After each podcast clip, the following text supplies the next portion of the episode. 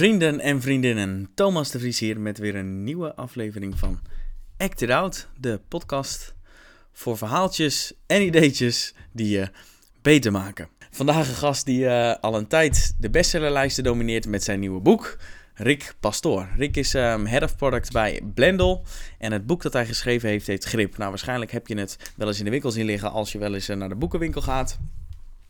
En het boek gaat voornamelijk over hoe je productiever kunt worden.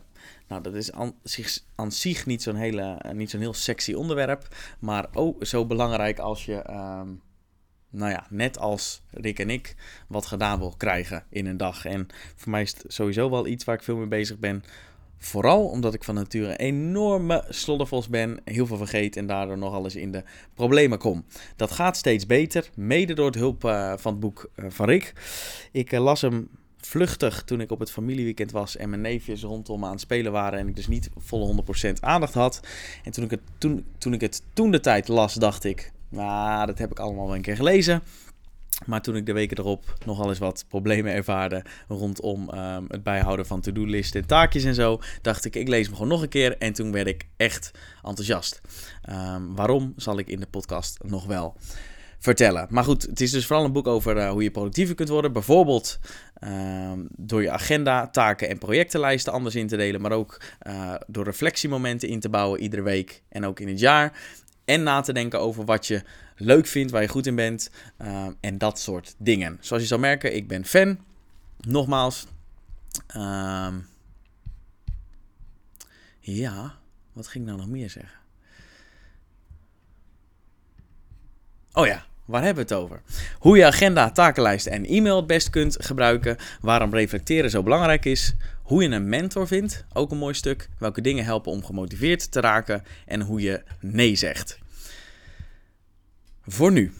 Vond je de aflevering nou leuk, interessant, te gek of fantastisch? Ik zou het uh, onwijs waarderen als je je even abonneert. Als je dat nog niet gedaan had. Dus trouwe luisteraars, uh, voel je vooral niet aangesproken. Maar... Het zou ook te gek zijn als je de podcast zou willen delen op social media of op een verjaardag of een ander offline moment. Voor nu, ik waardeer je zoals altijd nog steeds. Spreek je snel. Doei.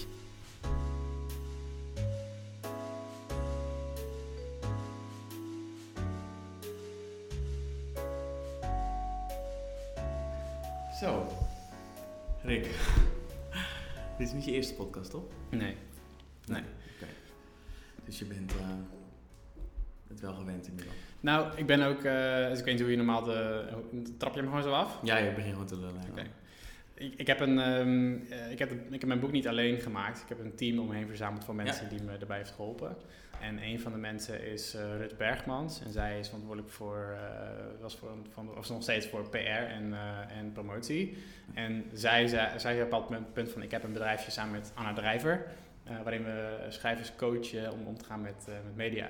En, en nou ja, dus ik heb met hun heb ik eigenlijk gewoon een soort training gedaan hoe je in een interview zoals dit, maar vooral met, met mensen die, die voor een krant schrijven, maar ook, ook voor radio en tv. Um, hoe je dat moet doen. Dus, uh, dus uh, nou ja, dat heeft me heel erg geholpen. Want het is heel vaak wat je, je wordt gewoon ingegooid en dan moet je het een paar keer doen en dan wordt, ja. het, wordt het beter. Maar zij hebben me gewoon wel een aantal dingen meegegeven die me hebben geholpen in, het, nou ja, in, dat, in dat proces. Uh, dus als jij vraagt van is het je eerste keer? nee, maar, maar, maar dat is niet het enige wat me heeft geholpen. Het is eigenlijk vooral dat, is ook, dat is een, ook een beetje een van mijn belangrijkste gedachten. Dat je goede mensen om je heen moet verzamelen die goed zijn dat je daar ook goed geld voor over moet hebben. En dat ze je dan dingen kunnen leren waar je ja, die zelf veel langer over je zelf veel langer over had ja, gedaan. Ja, ja, ja. Uh, dus, uh, dus dat cool. Nou, in lijn met uh, die gedachte, je boek.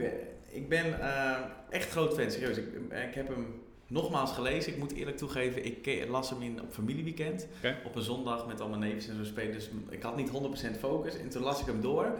En toen was mijn eerste gedachte, ja, het is een beetje hetzelfde als Getting Things Done, alleen dan in het Nederlands. Hm.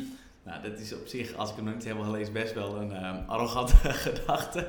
Dus die weken erop had ik wat momenten dat ik dacht, ja, volgens mij kan ik nog wel een slag maken. Maar elke keer als ik Getting Things Done erbij pak, dan had ik gelijk zoiets van, jezus, het is echt een groot boek en je moet gelijk alles weer lezen om het te begrijpen. Toen dacht ik, nou weet je wat, ik ga hem gewoon nog een keer lezen.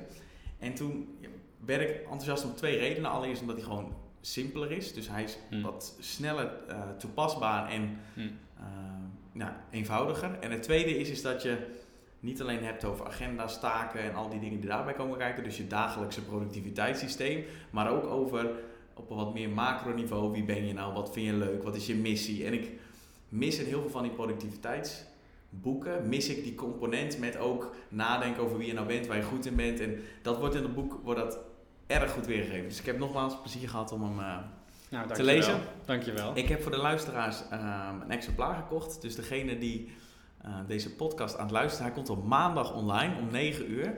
Eh, degene die me als eerste op Instagram een berichtje stuurt met eh, ik heb je podcast geluisterd, die stuur ik een exemplaar van het boek Grip van Rick eh, naar je toe. Leuk. Ehm, ja, wat is de belofte van je boek? Nou, de belofte is eigenlijk wat je net omschrijft. Het is, ik merk dat, ehm, eh, en ik merk dit steeds meer in het proces van het schrijven ook, en eigenlijk ook nog daarvoor, is dat mensen eh, ehm, worstelen met hoe, hoe werk ik nou? Hoe werkt werken nou eigenlijk? En dat is helemaal natuurlijk voor onze, in onze leeftijdscategorie. Ehm, eh, dus jonge mensen die net van, van hun schoolstudie komen en dan ga je aan de slag, heb je heel veel, heel veel energie, je wil, je wil graag allerlei dingen, dingen doen en voor elkaar krijgen. Ja. Maar hoe doe je dat nou? Dat wordt je niet echt geleerd. Eh, zo begin ik dat boek ook. Hè? We hebben, het is ons nooit echt geleerd eh, hoe we moeten werken. En ehm, ik merkte dat steeds meer mensen mij begonnen te vragen van... hé, maar gast, jij hebt, eh, het, lijkt, het lijkt erop dat je de boel een beetje voor elkaar hebt. Hoe, hoe doe je dat? Wat lees je dan? Hoe kom je daarbij? En dan had ik, ehm, ja, dan had ik eigenlijk altijd een stapel met boeken die ik ze aanraden. Van oké, dan moet je inderdaad Getting Things Done lezen. Je moet Stephen Covey The lezen. One je Thing, geloof ik. die, maar je moet ook Start With Why moet je lezen. Nou, je hebt gewoon zo'n zo'n standaard werk, eigenlijk een lijstje met, met, met boeken. Waarvan ik denk, nou, dat zijn, zijn goede boeken om te lezen. En ik denk, als je die leest, dan krijg je een soort, ehm, ja, krijg je een soort van gevoel bij, eh, bij hoe je eigen systeem vorm geeft. En ehm eh, Productiefoutje. productiefoutje. Notificaties uitzetten, hè? Ja. Oh, oh, oh. Hoe kan het nou? Wat erg. Ook echt in deze. Ja. Oké, ik hoop dat hij uit is nou. Oké, hij is uit. Sorry. eh. No worries. Ehm, ehm, en ehm, eh, mensen begonnen me dat te vragen. Van hoe, kom ik, hoe eh, richt ik nou mijn eigen systeem in en mijn, en mijn, werk, en mijn werk in? Nou, Raad ik ze die boeken aan. Niemand gaat natuurlijk al die boeken lezen. Want nou ja, je begint erin. Ik denk dat jij bent bovenmatig geïnteresseerd. Dus je leest die dingen wel. Maar de meeste mensen die denken, ja, ik, ik, ga, ik lees dat en nou, het kost me heel veel tijd. Ja. Ik heb überhaupt al geen tijd. Ik zit tot, tot hier in het werken, dus ik heb helemaal geen tijd om al die boeken te lezen. Ja, en dan is het ook nog eens zo dat, dat merk ik nog steeds, als je het één keer toe hebt gepast, dat is maar een, een eerste poging. Want Mm. dan begint het echte, want dan ga je kijken wat er wel werkt, wat er niet werkt. Dus je moet het ook Ja. een aantal keer. Ja, je moet dat verfijnen en Ja. je moet het een beetje in de vingers krijgen. Ja. Eigenlijk is het niet anders dan ja, elke andere skill, elke andere vaardigheid. Ik bedoel, als je begint met hardlopen, dan gaat het ook niet gelijk goed. Dat, heb je, ja, dat kost tijd. Ja. En zo geldt, dat geldt wat mij betreft voor werken ook. Ehm, nou, en toen zeiden steeds meer mensen tegen mij van ja, maar nou, misschien, kun je, misschien kun je dat zelf eens, uitleggen hoe je, hoe je dat dan doet. Daar is uiteindelijk dit boek uitgerold en mijn missie is eh, om mensen te helpen om, eh, om slimmer te werken en om betere keuzes te maken. Want ik denk dat het daar uiteindelijk op neerkomt. Dus keuzes maken in je tijd. Ja, En ehm, ja, zo is dit, zo is dit, dit boek er eh, Mhm. gekomen. En dit is ook waarom ik, ja, waarom ik zo'n belangrijk thema vind. Omdat ik zie om me heen dat mensen hun kostbare tijd eh, besteden aan dingen die eigenlijk helemaal niet zo belangrijk zijn. eh, zonder, zonder dat met intentie te doen. Het gaat me echt niet om dat je altijd productief moet zijn. Of dat je altijd eh, dat je het, uiterste, het onderste uit de kan moet halen. Eh, ik zal de laatste zijn die tegen je zegt dat je minder moet doen. Maar, ehm, maar het gaat me wel om dat, dat, dat ik erin geloof dat met een klein beetje meer intentie, een klein beetje meer nadenken over hey, hoe wil ik nou eigenlijk mijn werkweek invullen, maar ook hoe wil ik mijn avonden en mijn weekenden invullen. Ja, dat, je, dat, je, dat je blijer bent, dat je gevoel- meer het gevoel hebt van, van, eh, van controle en rust Ja. vooral. en je onderscheidt drie verschillende niveaus in je boek, toch? Grip op je nou, Week. Ja, Grip op je week. grip je week, grip je jaar en grip je leven.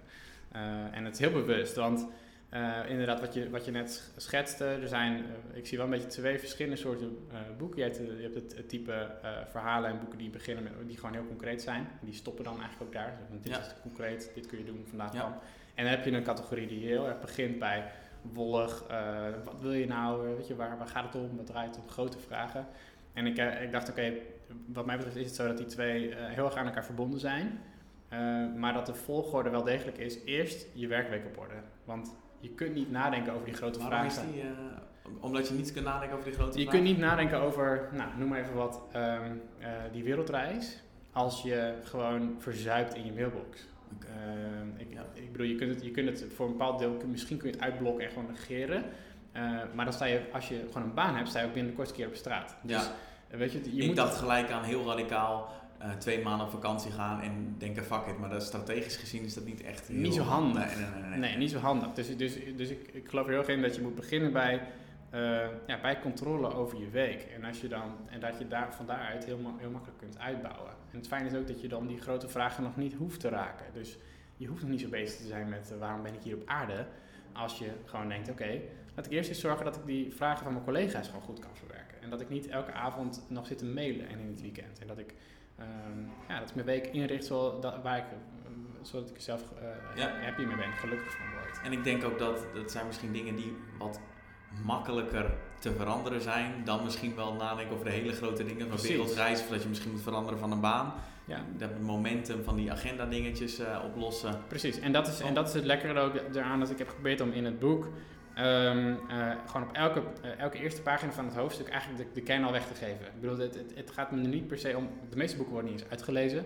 Dus ik dacht, oké, okay, dan kun je boos om zijn. Je kunt ook gewoon zeggen, richt het dan zo in ja. dat je de waarde er zo snel mogelijk uithaalt en dat je door kan met je leven.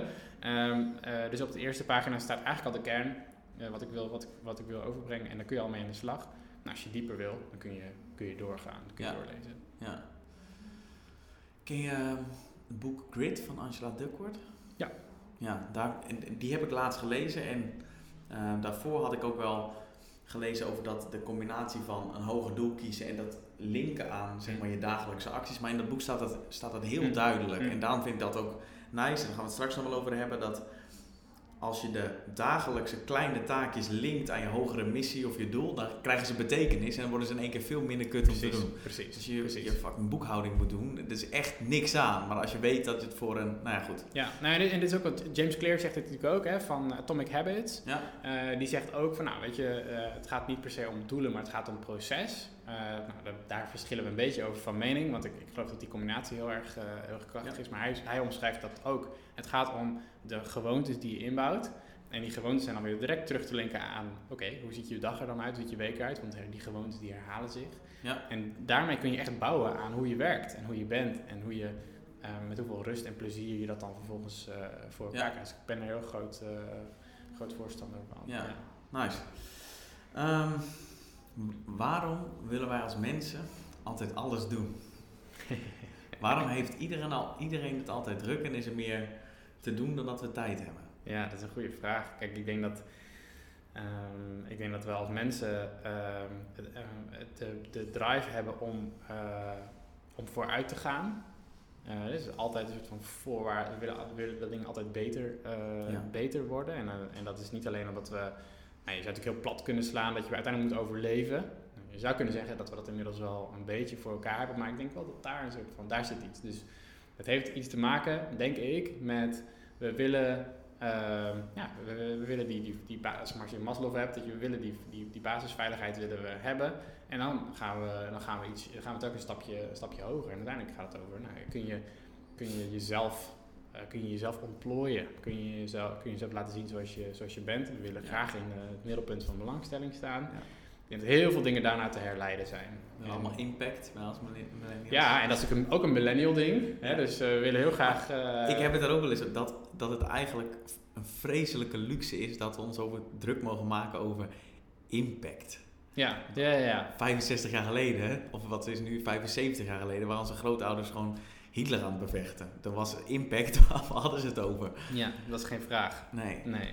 En dat is, dus, dus je zou kunnen zeggen van, is het een soort van, uh, ja, soort van substitute voor, uh, voor, voor iets heel groots? Ja, dus hebben we, hebben we niet zo'n grote missie, dus gaan we maar ons richten op ons, uh, richten op ons, eigen, ge, ja, op ons eigen geluk. Ja.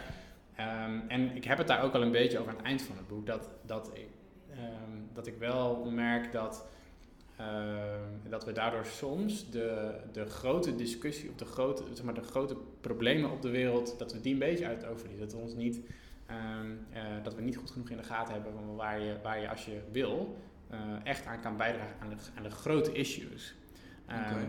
Dus, hoe dus, al- dat? nou, dus er is, er is een project, het heet eh 80.000 Hours. Ik weet niet of je dat, eh, dat project kent, maar Nee. dat is een, dat is een ehm, ehm, eh, het is heel, heel erg cool. Wat zij namelijk doen is, ze hebben een overzicht van dit zijn de grootste, eh, dit zijn de grootste problemen op de, op de aarde. Eh, en dit zijn de stappen die je kan zetten om daaraan aan bij te dragen. Oké.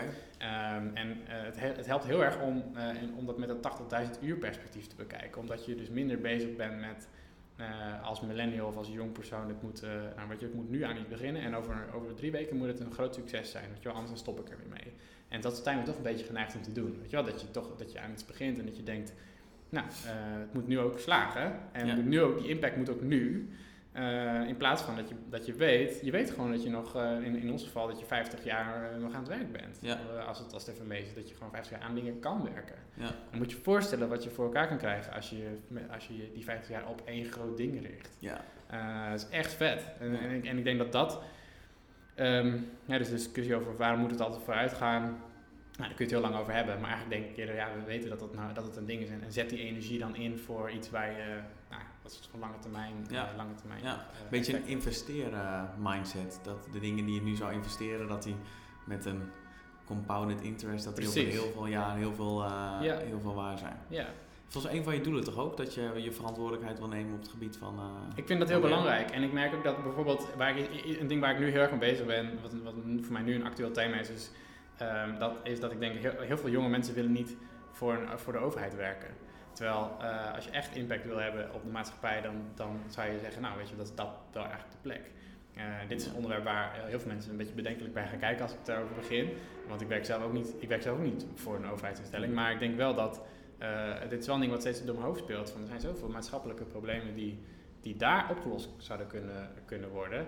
Eh, en, eh, en, ik wil heel, en, en ik ben nu aan het onderzoeken van hey, maar wat, op wat voor manier zou ik daar dan een bijdrage aan, aan, kunnen, eh, aan kunnen leveren. hmm. Ehm, en, ehm, ehm, en ik denk dat fundamenteel zo is dat ik hoop dat we iets kunnen bedenken waardoor jonge mensen het leuk vinden om, eh, om bij de overheid aan de slag te gaan. Ja, dat is ook het eerste wat in mijn gedachten opkwam. Ik denk dat je daar inderdaad de meeste invloed hebt, maar daar hebben ze geen mooie koffiezetapparaten en van die hele weet hipster... eh, nee, maar dat- dat- ik Dat ken een aantal mensen die bij de overheid werken en dus over het algemeen niet het meest eh, Nee. vooruitstrevende Nee, organisatie. Terwijl vroeger, dat is het grappige dus, vroeger was dat wel zo. Dus vroeger was de overheid de plek waar je de beste, de beste regelingen had als het gaat over vaderschapsverlof of over gewoon al dat soort dingen waren gewoon Ja. de beste geregeld bij de overheid. Ja. En dat is nu niet meer zo. En dat is interessant, want dit is een punt wat, eh, wat niet direct effect heeft, maar wat over meerdere jaren heen wel degelijk een effect heeft. Ja. Want je ziet dat alle kennis en kunde gaat zitten in, in, in, eh, in, in start-ups en Ja. eh, andere hippe bedrijven. Ja. En we niet, in, en niet daar. Wat ook op zich niet erg hoeft te zijn als de overheid de invloed van de overheid afneemt en op een gegeven moment grote organisaties meer invloed gaan krijgen, dan is het op zich niet heel erg. Ja, dat, Het dat is waar. Weinig met je boek te maken, maar het is wel een hele interessante discussie. maar het is wel waar. Ik, ik, denk dat je, ik, denk, dat, ik denk dat het een goed punt is. Alleen eh, tegelijk ehm, eh, denk ik toch ook dat er, dat er heel veel dingen zijn, heel veel voorzieningen zijn die er gewoon vanuit de overheid Ja. geregeld worden en ook altijd geregeld zullen blijven worden. Ja. Ehm, ik sprak met, eh, met Gijs van Dijk van de PvdA bijvoorbeeld. Ehm, en die zei, eh, weet je wel, als we nu, we kunnen niets aanpassen in, eh, in de manier waarop, de, waarop het belastingstelsel eh, werkt. Want, want dat, die software zit eigenlijk voor een groot deel op slot. Daar kunnen we gewoon niks aan doen. En weet je, als je daar nou over na gaat denken, is het best wel shocking. Dus het probleem is niet eens is niet wetgeving, het probleem is niet politiek, het probleem is software. Dan denk ik, oké, dat, is dat is heel gek. Want als daar, daar hoort het probleem in ieder geval Niet te zitten. te, Nee, te- nee. te zitten. Nee. Dus nou, goed, dit is een, vind ik een fascinerend onderwerp om over na te denken van wat zijn nou... eh, ik denk als je echt impact Ja. we hebben op heel veel mensenlevens, echt eh, impact. Dus niet een van een nieuw, eh, weet je wel, een van een nieuw softwarepakketje. Ehm, ja, dan zou dat best wel eens daar kunnen zijn. Ja. Sowieso wel een interessante gedachte. Dan ben ik het terug naar je boek. Dat, de, dat die kleine stapjes, Hm. die kleine veranderingen, juist over een hele lange tijd. En dat is eigenlijk ook wel wat je in het boek zegt natuurlijk. Dat die hele. Nou, dat je gewoon hele kleine dingen kan doen, maar dat je op een gegeven moment de ruimte hebt om de grotere dingen te gaan doen. Ja.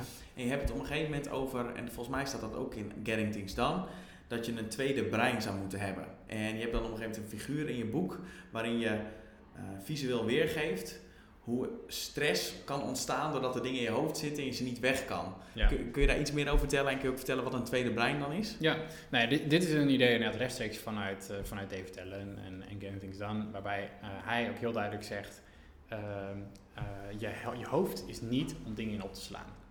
want zodra er dingen in je hoofd zitten, dan zijn dat open loops.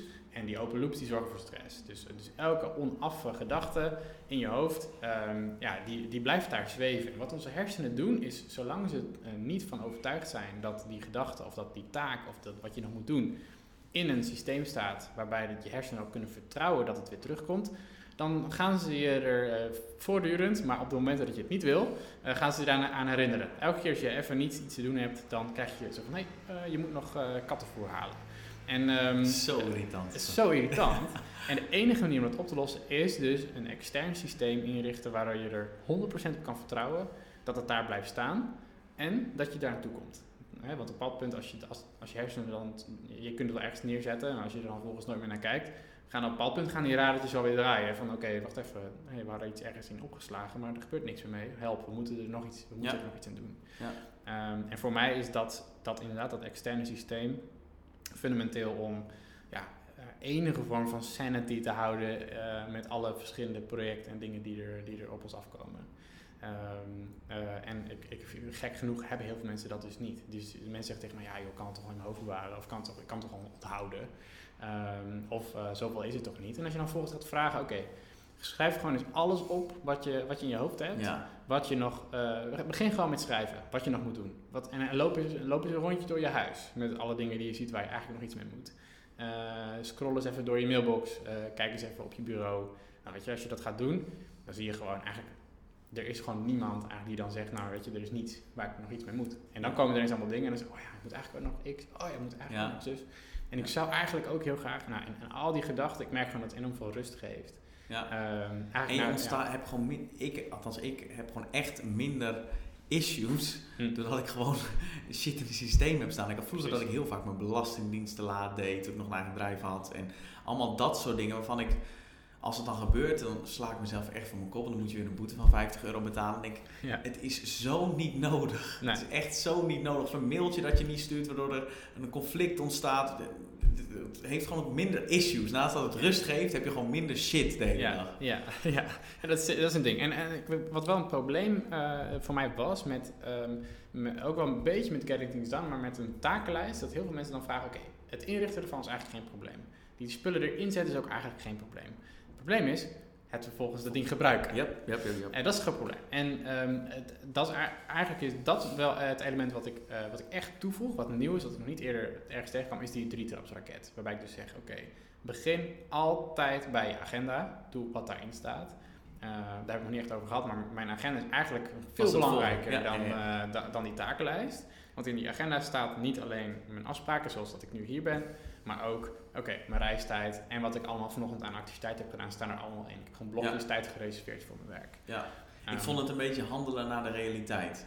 Je kan wel daarin zeggen dat je van 4 tot 5 een podcast hebt, maar de realiteit leert dat je misschien wel voor moet bereiden, dat je er nog heen moet. En heel veel mensen, ook ik nog steeds wel, blokken een hele agenda van 's ochtends vroeg tot 's avonds laat. Met het resultaat dat je aan het eind van de avond, avond aan de helft niet toegekomen bent en denkt, fuck. Ja, ja. Nou, en het is, dat, is, een- dat is een ding, maar het fijne is daar weer aan dat die agenda eindig is. Dus die agenda die is niet, eh, hè, is niet zo oneindig als je takenlijst, waar, waardoor je bij je takenlijst heel makkelijk allemaal dingen erbij op kunt, kunt Ja. knallen. En jezelf eigenlijk een beetje voor de gek houdt. Dus oké, ik ga vandaag deze 100 dingen doen. Gaat je niet lukken. Maar er is nergens, er is niets wat je tegenhoudt. En bij je agenda is dat wel zo. Dus als je realistisch eh, tijdsblokken inplant, dan weet je gewoon, oké, nou, eh, het gaat gewoon, weet je wat, ik, ik, ga, ik ga dit gewoon dit proberen. Eh, kijken of dat lukt. Eh, en als het niet lukt, dan eh, weet je, oké, ik heb blijkbaar meer tijd nodig eh, gehad. En dat dan heb je ook gelijk soort van reflectie in je, in je tijd. Ehm, maar goed, dat, dus dat over, die- over je agenda. Maar daar begint die drietrapsraket. De tweede ding is niet e-mail, wat heel veel mensen doen. Het eerste ding is ook niet e-mail. Maar je begint bij, bij je agenda. Dan pak je de takenlijst erbij en zeg je, oké, wat staat er voor vandaag op die lijst? Pas dan kijk je naar je mail. En ik merk dat mensen, mensen blijven me dan vragen, maar wanneer kijk ik nou naar die takenlijst? En dan zeg ik, denk nog even aan die, aan die drietrapsraket. Elke keer als je niet iets doet wat in je agenda staat, pak dan eerst die takenlijst erbij. Dat is gewoon, het is gewoon heel simpel, want je hoeft Ja. niet meer na te denken over wat ik nu ga doen. Ik hoef gewoon alleen maar te denken, oh, ik doe niks wat in mijn agenda staat. takenlijst, vandaag, leeg, top, nu kan ik Ja. Nou, het is gewoon, ja, het is gewoon heel, het is een heel simpel dingetje. Maar het is echt essentieel, want ik heb ook al 26 keer zo'n systeem ingericht en dan, nou, nu gaat het goed, maar 25 Eén keer, week, eh, ja. ja. dan doe je het en dan ga je overal eh, labels bij doen, want ja, de context van, je moet dit thuis doen, en op een gegeven moment doe je dat niet meer en dan staat er weer een hele lijst, we hebben geen idee wat, wat er allemaal moet gebeuren. En, dan, Ja. En er is hier zelfs een soort, er is bijna een soort wet. Hè, dus dat als je de, de, de, het feit of, of een systeem wel of niet blijft hangen, is, is omgekeerd evenredig aan de complexiteit. Hoe Ja. eenvoudiger het is, hoe groter de kans dat het blijft hangen. En dit is elke keer een ding dat ik denk, oké, heel veel mensen hebben de neiging om te denken, oh, dit werkt niet voor mij, laat ik het nog iets ingewikkelder maken en het nog een keer proberen. Ja, dat is eigenlijk heel, eh, dat is heel, ik snap dat wel, want dat voelt wel slim. Je kunt beter zeggen wat komt er afhalen. Ja. Dus dan zeg ik eerder tegen mensen, oké, vergeet die labels, vergeet die mappen, vergeet die projecten, maak gewoon één lijst, knal alles erin, begin daar alsjeblieft. En Ja. dan nog geen indeling, nog geen, weet je wel. En, al, en, en dan is het ineens, oh oké, nou dit werkt wel voor mij, cool. Prima, dan doe dat dan alsjeblieft. Weet je, begin zo klein mogelijk. Ja. En dan kun je het uitbouwen. Ja. In plaats van andersom. Ja, ik had het ook weer hoor. Dat, eh, ik heb het zondag weer opnieuw eh, ehm, bijgewerkt. Had ik ook weer 20 projectlijsten. Ja, dat is gewoon niet handig. Het, wordt, het raakt kwijt en daardoor denken mijn hersenen dus. Ja. Heb je er al geen zin waar in? staat. Heb je er al geen staat. in? Nee. Ja. En dan eh, ga je de, de boot in. Ja. Doe je ook ehm, ehm, de leuke dingen, zeg maar de niet afspraken, maar de echt dingen met, met je kinderen of eh, met vrienden eh, dingen doen. Doe je die ook in je agenda zetten? Maak je die ook heilig? Ja, nou ja, het is, van interessante. Ik, het is echt niet van minuut tot minuut. Ik kom thuis, ik ga nu een half uur met mijn dochter, ja, weet je wel, iets met, met de Duplo spelen. Dat zet ik er niet in. Maar ehm, met vrienden doe ik dat wel. Met alles wat we met gezin doen, doe ik dat ook. Eh, want ik weet gewoon, eh, weet je, kunt daar een beetje lachig over doen. Waarom zet je dat in je agenda? Ik weet gewoon, als ik het niet doe, ja, dan, ga, dan is het Same. zo makkelijk dat het niet, weet je, dat gaat gewoon niet gebeuren. ja. En dat, dat, ik kwam het niet terug in je agenda of- in je boek. Dat stond, ik- zag ik het niet staan. dacht ik, ah, zal je dat dan ook doen? Want het is ook mijn neiging, als ik er niks heb instaan, namelijk eh, eh, een date at night met mijn vriendin, dan ga ik een boek zitten Ja, lezen. gaat gewoon niet, Niet omdat ik het niet leuk vind, maar omdat ik dan gewoon denk, oh, ik wil dit nog doen, de zus nog doen. En dan, Precies, ja, precies. super belangrijk. En ik ken je Jordan Peterson toevallig? Nee. Eh, is een nou ja, Canadese hoogleraar, die heeft een boek geschreven. En ik luister veel eh, podcasts van hem. En een Ja. van die podcasts zegt hij, veel mensen die zijn een soort tyrant of eh Mm. tiran van hun eigen agenda. Dus die maken gewoon een hele planning van 's ochtends vroeg tot 's avonds laat. Hij zegt, dat is niet het doel van de agenda. Het doel van de agenda is om een dag te hebben die je leuk vindt Hm. om te hebben. Hmm. Dus de dingen die je gewoon moet doen, naar je werk gaan en al de, vuilnis buiten zetten en eh, de vaatwasmachine inruimen is allemaal hartstikke belangrijk. Maar ook gewoon de dingen die je leuk vindt om te doen. Want het maakt het namelijk leuk om die dag te hebben. Anders hou je maar drie dagen vol, dan stop je weer met die hele agenda. Ja, ja, dat is een heel goed punt. En ik denk dat dit, ja, dit is voor mij is dit het, eh, het achter het stuur zitten van je tijd. Dus, dus het gaat over, eh, inderdaad over intentie en hoe wil je je tijd invullen. En voor de een is dat, hè, voor de een is dat heel erg eh, gewoon werk, werk, werk, werk, werk. Dat, zeg maar, ik, wil er eigenlijk niet een oordeel over vellen hoe mensen dat doen. Eh, en voor de ander is het juist nodig dat daar veel meer ruimte en lucht in zit en veel Ja. meer leuke dingen. Ja. Ehm, nou, mijn punt is niet zozeer dit is de waarheid, zo moet het. Ehm, maar inderdaad wel dat we in een. Nou, we leven nu eenmaal in een tijd waar mensen heel vaak een beroep doen op je tijd, zowel werk als privé. Ehm, en dat als je niet zelf hebt nagedacht over wat je wil, dat, iemand, an- dat je dan moet bedenken dat iemand anders dat dan wel doet. Ja. Dus eh, of jij het nou bent of je vriendin, weet je wel. Dus dat, dus, dat, Ja. dat, is, een, dat, dat is een ding. Ehm, eh, en eh, voor mij werkt dat dus gewoon heel goed. Maar nogmaals, kijk, ik weet dat er mensen zijn die zeggen, joh, ik, ik, je, moet- je moet echt niet beginnen over mijn weekend en mijn vrije tijd. Fine. Ja. Dat, dat is ook niet het doel. Nee. Het doel is dat je inderdaad, wat je zegt, blij bent met je dag, met je week en met je leven. Eh, en kies een methode alsjeblieft die daar al bij past. Ja. Ehm, en voor mij werkt dat dan ook heel goed om dat ook in mijn weekend en in mijn avond te doen. Ik wil dat aan het eind vragen, maar ik vraag het nu omdat eh, nou ja, er nu een haakje is. Hoe zeg jij nee tegen dingen? Hmm. Ja, nou, dat heeft voor mij echt te maken met mijn, met mijn doelstellingen. Ehm, eh, en, en het is ook een ding waarbij mijn, uiteindelijk is mijn agenda de beste manier om nee te zeggen. Dus mm, ik onderscheid een beetje verschillende eh, ook categorieën eh, op nee zeggen op weekniveau. Hè, dus dat zijn de vragen van collega's, van, Ja. eh, van, van, van Alexander of van, van teamleden. Ja. Van hey, kun jij X, Y, Z voor mij doen? Ehm, daarbij is mijn agenda van levensbelang. Want daar kan ik gewoon laten zien, kijk, dit is mijn werkweek, jongens. Nou, in het geval van mijn, van, mijn team, van mijn teamgenoten, dan is het gewoon, kijk er maar naar en je ziet dat het vol is. Dus Hm. En als het gaat over bijvoorbeeld Alexander of iemand anders die, die eigenlijk ook wel invloed heeft op mijn tijd, dan is het meer zo van, hey, kijk naar wat er staat. Uh, als je dit wil, dan moet er iets anders uit. Dus kies maar. Dan zit een, en dat is echt niet zo van ga deze achterover. Gebruik, deze gebruik ik ook. Ja, maar ga niet, het is niet zo van ga maar gewoon achterover zitten en zeggen nou, uh, kies maar. Ja. Maar het is wel dat je samen in overleg kan gaan over hoe je je tijd invult. En, en ik merk dat, uh, nou ja, er zijn ook jongens bij ons die dat nu dan bij mij doen, wat heel irritant is, maar ja. het wel, wel klopt. Fair enough, hè, Dan zeg ik joh, ik wil heel graag dit en dit uh, graag hebben deze week als het al even kan. En dan zeggen ze ja, dat is goed, maar ehm, ik had ook nog deze drie andere vragen, Rick, dus kies maar. Kies maar wat je wil. En dan denk ik, ja, ik wil ze eigenlijk allemaal. Kan niet. Ja. Dus dan moet je, moet je kiezen. En dat is voor hun heel fijn, want, want, want en voor mij ook als ik zo'n gesprek voer. Uh, want je hebt het over de inhoud. Over, je, hebt het, je kunt echt een keuze maken. In plaats van dat je zegt, nou prop het mij en kijk maar of het gebeurt. Ja, en, maar dat kan niet. Besef dat het niet kan. Ik in heel veel gevallen in mijn leven maak die keuze dan gewoon niet. Zeg, nou, het kan allemaal wel. Dus dan word je heel, uh, maak je de illusie dat dat in één keer kan. Waardoor je in één keer nog veel te laat of afgeraffeld of precies, niet. Precies. Maar dat is ook ergens is, moet je daar ook realistisch of moedig wil ik niet zeggen, maar je moet wel gewoon ook durven zeggen van oké, dan wordt dus niet alles gedaan, maar welke dingen gaan we wel heel goed doen. Precies, precies. En het is gewoon, ja, het is een heel fijn, uh, dus dat is het nee zeggen op weekniveau en het gaat over iets langer termijn.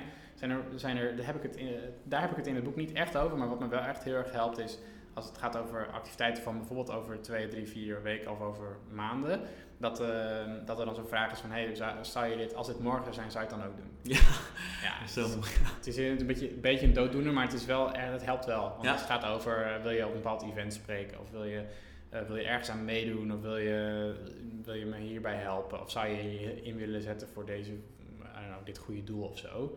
Uh, ja, dan ben ik wel geneigd om als het over lange termijn is, te denken, nou, dat komt dan wel. Ja, want in de toekomst voelt het minder, uh, voelt het minder groot. Hè? Dat is altijd zo raar. Ik, ja, voor de, en dan komt het en dan denk ik, waarom heb ik Waarom er überhaupt ja, ja gezegd? precies, Maar precies. Oké, ik heb nog nooit uh, gedaan van als ik het morgen zou doen, zou ik het dan ook doen. Maar dat ga ik vanaf nu... Uh, dat is een hele fijne, want dat maakt gewoon dat ik dan bij heel veel dingen toch denk, ah, daar zou ik niet echt zin in hebben. Want dan moet ik moet het voorbereiden, past niet echt in wat ik wil. Nou, en dan moet je dus wel weten wat je wel wil. En daar komt eigenlijk het, het volgende component. En dat zijn toch, hè, dat, het gaat over dat stippertje op je jaar. Voor mij werkt het heel goed om, om wel een beetje van doelen te hebben. En een, en een beetje te weten wat is mijn missie, waar word ik blij van, wat, is mijn, uh, wat, waar, wat kan ik goed. hm. Um, zodat ik er een klein beetje in kan passen in, in waar ik naartoe wil. Is het dan helemaal in, in, in steen gebeiteld? Nee. Maar het geeft wel een beetje een richting. En dat Ja. is heel prettig. Dus Um, uh, ja, de, daarom kan ik makkelijker zeggen bij dingen, oké, okay, nou dit, weet je, dit, dit past gewoon niet bij mij. Dit ga ik gewoon, hier, hier wil, ik een wil ik nu al een beetje voorsorteren voor een ander soort, uh, voor een ander soort oplossing. Ja. Kun je dat ook bij uh, vrienden en familie en zo? Ja, dat is natuurlijk, is natuurlijk ingewikkelder. um, wat ik wel weet is dat daar, in, in mijn geval merk ik gewoon dat, dat ik hier, uh, ik ben, ik ben, ben erachter dat ik wat meer in, veel meer introvert ben dan ik dacht. Dus uh, ik laat op door alleen te zijn. En um, nou, dat is misschien herkenbaar, maar, maar, maar daardoor is het zo dat uh, activiteiten doen met vrienden en familie voor mij heel vaak een ding zijn die ik gewoon voor me uitschuif. Want ik denk, nou, ik, weet je wel, zoals ik het heb gedaan, vind ik het altijd heel erg leuk. Weet je, daar kijk ik altijd wel goed op terug. Ja. Dus hierbij moet ik eigenlijk eerder het meer plannen dan dat ik nee hoef te zeggen. Ja. Uh, dat, is, Ja. dat is mijn soort van learning. En daar kom ik dan weer achter door die jaarlijkse review. Nou, ik jump een beetje heen en weer, maar er zitten heel veel reflectiemomenten in grip. Hè, van week op weekniveau, kijk je terug. Ik zal hem enigszins inleiden. Ja, heel goed, doe dat. Want uh, voor als ik kijk naar productiviteitssystemen, dan is mijn wekelijks, ik heb de jaren zo niet gedaan, dus ga ik ook nog een Mm. vraag stellen. Mijn wekelijkse review is het allerbeste.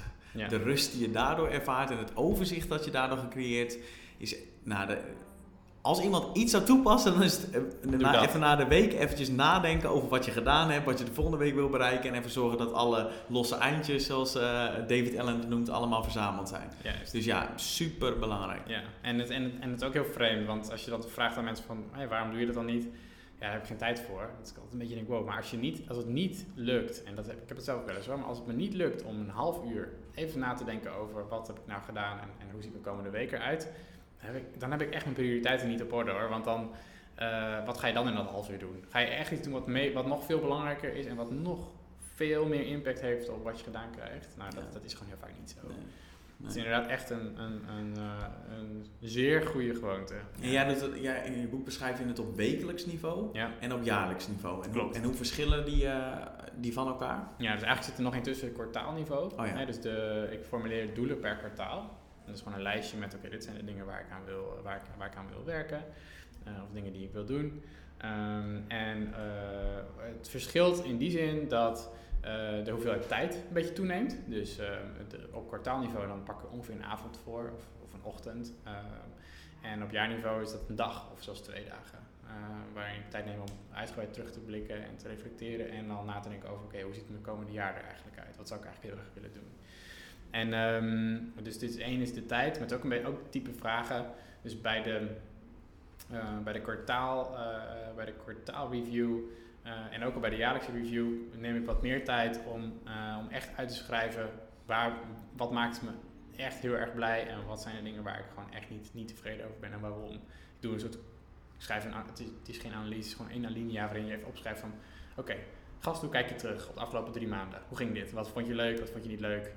Eh, en zo, ja, soort dagboek-entry die je dan hebt. Ja. En, eh, en, en dat helpt me heel erg, want van week tot week kun je toch heel makkelijk ook alweer in een soort, ja, in een soort van eh, sleur bijna komen van hoe je, waar je nou mee bezig bent. Ja, Terwijl je gaat je niet van week tot week afvragen, ja kijk, het bekijkt werk? op microniveau, Ja, niet op precies. macroniveau. Precies, je bent Ja. gewoon alleen maar met de uren bezig en met je werk.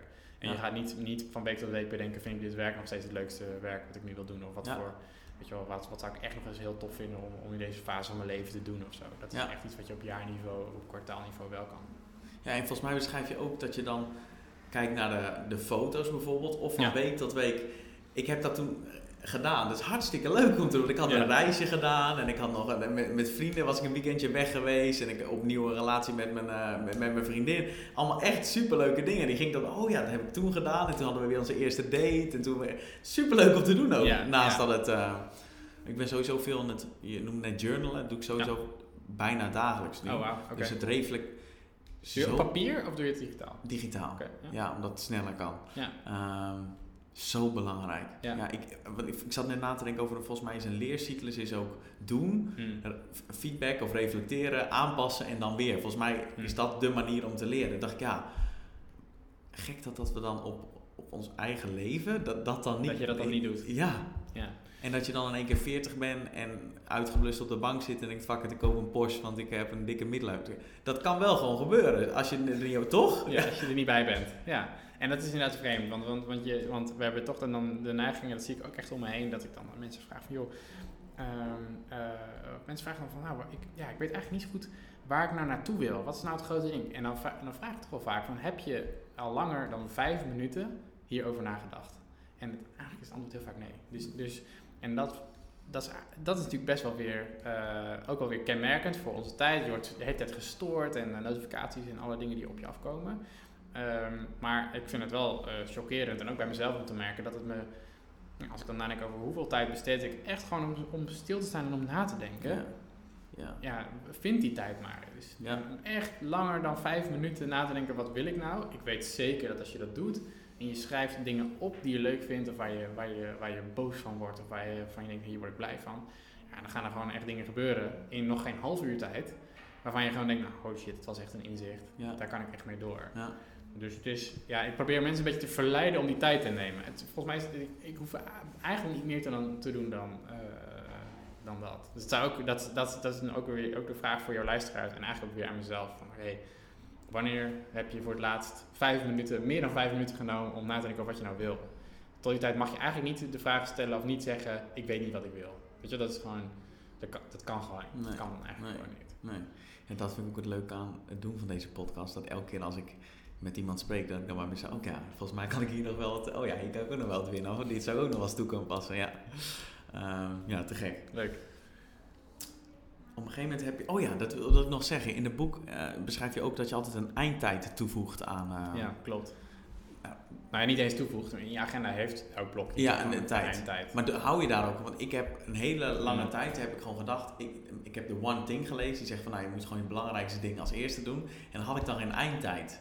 En dan was het wel eens dat ik er tien uur mee bezig was, terwijl ik met vier uur hoogstwaarschijnlijk precies hetzelfde resultaat had gehad. Dus alleen maar dat toevoegen maakt volgens mij ook dat je een beetje de de belangrijkste dingen doet. En ook zegt van nou oké, gegeven dat je twee uur hebt, laten we er wat van maken. En wat de uitkomst dan is, dan is de uitkomst dan maar. Ja, het gaat twee kanten op. Dus één inderdaad, uh, het helpt je om, uh, om, om, om een klein beetje kritischer te zijn op, uh, nou, op het eindresultaat. Om misschien niet eerder de knoop door te hakken van het is het. Maar een eindtijd is ook een manier om je gewoon te focussen. Want als je weet, oké, ik heb hier nu een uur de tijd voor ja, dan ga je niet, uh, dan denk je, ja, ik kan wel even op Instagram kijken, maar dan weet je wel, oké, als ik het nu doe, gaat het wel van mijn tijd af. Dus het helpt, me om, uh, het helpt mij in ieder geval om die tijd soort van echt gericht aan dit, uh, aan, aan, aan, dit, aan dit ding te besteden. Ja. Terwijl als ik geen eindtijd heb, weet je, als je geen deadline hebt, krijgt, alle, krijgt al het andere voorrang wat wel een deadline heeft. Dus als iemand belt of als iemand je e-mail stuurt, dan weet je gewoon, ja, dit, moet ik niet doen, want ik, anders kan ik Zeker als er wat verzet zit bij de taak die je moet doen, als je het moeilijk vindt. Ja, want dan is elke, elk moment om afgeleid te worden. Ik, oh, is er één. Ja. Ik mag weer. Ja, oh, ja, dit is belangrijk. Ik moet toch even kijken of je geen berichtje hebt. Ja, ja, ja. Oh, ik vind het altijd zo hilarisch hoe je jezelf helemaal gek, helemaal gek maken. Ja, dus dat is een ding. En, en dus, uh, uh, nou, in die zin helpt dat. En, en uh, ten tweede is er ook nog aangetoond dat werk altijd en dat geldt voor vergaderingen ook, ze altijd de tijd innemen die het ze geeft. Dus als jij altijd meetings uh, inplant van anderhalf uur, weet je ook die meeting gaat anderhalf uur duren. Terwijl als je, als je ze een uur maakt of, of drie kwartier, dit gaat natuurlijk niet op voor tien minuten. Ik bedoel, je moet de tijd nemen om besluiten te nemen op een goede manier. Ja. Maar je, je kunt je wel, wel bewust zijn van, van uh, uh, dat, dat dingen soms best wel sneller kunnen als je jezelf een klein beetje uh, uit je comfortzone trekt. Voor mij, voor mij geldt het, voor mijn nieuwsbrief doe, probeer ik dit, dus door te zeggen oké, ehm, als ik daar twee uur voor inruim, nou weet ik dat ik dat wel kan vullen. Maar wat gebeurt als ik het in een uur wil doen? Ehm, eh, of wat gebeurt er als ik het uh, op een moment doe dat ik eigenlijk weet dat ik van tevoren van nou, dit is niet mijn beste moment. Best een interessant experiment om te kijken, kun je de dingen waar je eigenlijk een beetje tegenop ziet op een moment doen of met een tijd, bepaalde tijdsduur. Ja. Uh, wat je eigenlijk een beetje van tevoren denkt, nou dit, ik weet niet of dit gaat lukken. Met als resultaat misschien wel dat als je het vervolgens weer op een relax moment doet dat allemaal veel sneller gaat. Dat het sneller gaat, of zit. beter, of uh, dat je tot een interessant inzicht komt, ah. dat het helemaal niet zo snel kan. Of, uh, het gaat natuurlijk inderdaad, wat je zegt, het gaat over de learning. Uh, hè, hoe, hoe, hoe, kort is die, die learning cycle? Hoe ja. korter je die kan maken, hoe sneller je leert. Ja. In mijn hoofd zit dat ik ochtends mijn beste werk doe. Wat ook hmm. vaak resulteert dat als ik s'avonds aan de slag ga, want ik echt iets moet doen, dat het veel moeilijker is. Maar dat is hmm. echt gewoon een verhaal dat ik mezelf heb. Misschien is het ook wel ergens zo, maar de overtuiging dat het ochtends beter is, maakt ook dat het s'avonds moeilijker wordt om dingen te doen. Nou ja, ja. Nou, voor, voor mij heeft uh, het feit dat ik nu een dochter heb, heeft dit helemaal op zijn kop gezet. Want ik merkte dat, uh, kijk, als, als, we, als we bijvoorbeeld in een weekend thuis zijn, dan heb je gewoon maar echt een paar uh, windows waarin je, waarin je echt dingen kan doen als zij slaapt. Dat is, dat is nu nog maar twee keer op een dag, echt kort. En um, waar ik eerder bijvoorbeeld dacht, oké, de ochtenden zijn voor mij top en aan het eind van de middag moet je me niet storen. Denk ik nu, oké, op het moment dat ze slaapt, ik weet van tevoren al, dit is wat ik wil doen. Ik heb de rest van de dag, heb ik, maar ik wil ik gewoon met haar dan zijn en niet te veel me laten afleiden. Maar als op het moment dat zij haar met, met haar hoofd de, het kussen raakt, zeg maar, dan weet ik, oké, ik, weet, ik weet nu dat ik dit moet doen en ik heb ongeveer drie kwartier. Misschien minder, misschien meer, weet je wel. En dat is wel een soort van nieuwe dimensie die ik eigenlijk wel heel grappig vind om op, op die manier uh, te worden. staat niet in je boek, toch? Dat je een kind moet om uh, nee, productiever te worden. Nee, het staat er niet in. En ik zou het je ook niet aanraden als het gaat over productiviteit. Nee. Um, maar het, het helpt wel om het... Um, en, en, en, iemand zou zeggen, nou dat is misschien een beetje obsessief. Maar, maar ik, het, ik, weet, ik vind het dan grappig... Om te merken dat ik dan ook echt denk, oké, ik moet ook dit nu doen. Want ik weet, uh, over een uur, dan is mijn, weet je, dan is dat gewoon, dan is die tijd gewoon weg. Ik kan het niet meer uitstellen. Dus het is echt een hele harde. Uh, ja. Nou ja, goed, ik moet dat dan op ja. wel doen. Ja, dat moet, het moet gewoon echt. Precies. Ja, precies. ja, uh, op een gegeven moment heb je het over ehm, zeven motivators. Ja. Twee daarvan begreep ik niet zo. De Boy Scout en de, de katalysator. Hmm. Zou die... Uh... Ja, oké. Met, om met de, uh, met de Boy Scout te beginnen... Um, um, Want de, de, zeven motivators om te zorgen dat je dingen gaat doen, toch? Zo, als ja. ik het zo interpreteer. Ja, het is een soort... Kijk, wat ik, wat ik merk dat heel veel mensen dan zeggen... Oké, nou, ik, want het, het, het, het, voort, het, het vloeit voort uit de takenlijst... En dat gaat over werk, uh, werk goed opslaan en goed opschrijven. Maar dan is de volgende vraag, oké, hoe zorg ik ervoor dat ik mijn werk gedaan krijg? En wat ik eigenlijk wilde doen, was een soort van gereedschapskist aanbieden met dingen die je er een beetje uit kan plukken om je te helpen om dat dan gedaan te krijgen. Ja. De Boy Scout Rule uh, gaat eigenlijk over het idee dat ehm, dat, het komt vanuit, de, vanuit engineering, dus vanuit mensen die, die, die programmeren. Maar daar eigenlijk nou, nog voor natuurlijk van, van de Boy Scouts, die als ze ergens zijn, zorgen dat ze de plek schoner achterlaten dan dat ze hem vonden. En ik heb gemerkt dat dat niet alleen met voor je omgeving goed werkt, maar ook een, een, een, hele mooie motivator is voor engineers. omdat ze zien, oké, als ik dat elke keer doe, kan ik met heel weinig extra energie ervoor zorgen dat men, als ik daarna weer terugkom, dat het zoveel beter, zoveel leuker is om weer met, daarmee aan de slag te gaan. Dat het een soort, ja, het is een soort vliegwiel uh, die elke keer harder gaat draaien, omdat je weet, hey, elke keer als ik weer terugkom, uh, dan, ehm, ja, dan heb ik daar, krijg ik weer nieuwe energie. Ik heb een heel stom voorbeeld. Um, de, de bovenkant van onze vaatwasser, mm die, die wordt heel smerig. Want ik zet daar altijd de dingen op. Het is een beetje het is een heel ingewikkeld verhaal, maar die staat hoog. En ik moet dan eerst de spullen opzetten voordat ik hem open kan doen. Um, en die wordt heel vies. En ik merk elke keer als ik die bovenkant daarna en even schoonmaak, uh, dan uh, voel ik me heel fijn. Dan voel ik me heel, dan denk ik, oké, dit is mooi, dit is, weet je, dit is nu weer. En dat, ja. dat, dat, duurt dan even voordat ik dat weer doe. En dat, door dat dan beter achter te laten uh, die plek en dat werk dan, dan hoe ik het aantrof, maakt dat ik de volgende keer denk, oh ja, oh, dit is fijn, dit is schoon. En dit is een beetje een banaal voorbeeld, maar ik denk dat dit ook voor werken geldt. Dus als je weet, het zijn hele stomme dingen zoals, um, heb je je, is je mappenstructuur gewoon goed op orde? En kun je, als je een nieuw document ergens opslaat, kun je oh wacht even, ik kan ook even, ik zorg dat dit even gelijk even klopt en ik zorg dat dit op de goede plek staat, waardoor je de volgende keer denkt, oh ja, dit is fijn, ik, ik, ik weet dat het op orde is. En uh, je kunt wel zeggen, nou één keer in de zoveel tijd doe ik een grote schoonmaak, zet ik alles recht. Dan kost het heel veel energie en dan ga je waarschijnlijk voor je uitschuiven. Ik heb dus gemerkt dat als ik elke keer denk, oké, hoe kan ik hoe kan ik dit wat ik nu aan het doen ben, net even iets beter maken voor de volgende keer dat ik er weer terugkom. Uh, ja, dat is ook een soort compound interest. Ja. Je, want elke keer dat je dat doet, bouw je aan dus ja. dat, je, dat je de ultieme omgeving Ik dacht dat als een soort van arbeidsethos was. Dat je altijd dan uit de, altijd alles maar beter moet achterlaten. Maar ik kan me voorstellen dat als je vaker terugkomt bij datgene en je het gewoon chiller, dat je er chiller bij terugkomt, dat dat kan werken. Dat je denkt, hé, hey, dat is relaxed. Oké, dat snap ik wel. Ja. Oké, en de katalysator? De katalysator, kijk, bij de katalysator, het idee van de katalysator is dat um, het op, eigenlijk het opleveren van kleine stukjes uh, zorgen voor energie. Uh, dus het is ook geen wereldschokkend idee, maar het ding is wel dat we, wat ik ook merk, is dat heel veel mensen uh, het spannend vinden om als ze iets aan het maken zijn, om het te delen met andere mensen. En met als gevolg dat je denkt, nou ik wacht nog even. Ik deel het nog maar even niet. Ik ga nog even aan sleutelen. Uh, en dan wacht ik nog maar even en dan ga ik er nog maar een keer sleutelen.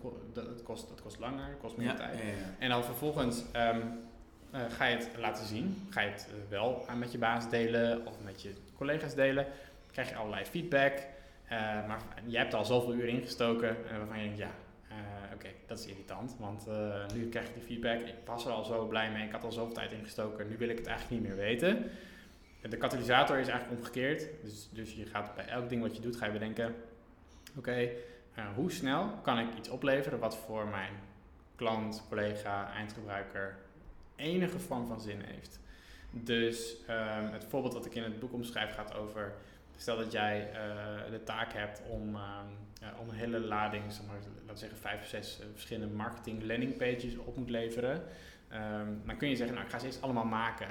En dan ga ik in één keer ga ik ze allemaal opleveren. Ja. je kunt ook zeggen, oké, okay, we weten ongeveer welke pagina's het zijn. Dat is een lijstje met dit zijn de zes thema's. Die stuur ik vast op. Dus dan zeg je, dit zijn de zes dingen die ik wil maken. Ja. Laat me weten, wat vind je ervan? Een soort MVP. Uh, het, is een soort, het is een soort MVP inderdaad, als je, als je weet wat dat, wat dat, ja. inhoudt. Nee, maar het gaat over hoe, uh, wat is het kleinst, het kleinst um, ja, viable ding wat je, kan, wat je kan opleveren waar een ander iets aan heeft. Nou, dan kun je zeggen, hey, de, de, de, de, maar is het omdat het fijn voelt om iets op te leveren of omdat de feedback waardevol is om... Het is die combinatie. Oké, oké, oké. Dus het is waardevolle feedback waardoor je minder gefrustreerd bent. Want je kunt het nog heel makkelijk aanpassen. Hè? Als ik die zes thema's met je deel en jij zegt, nou weet je, drie daarvan zijn top, weet je wel, let's go.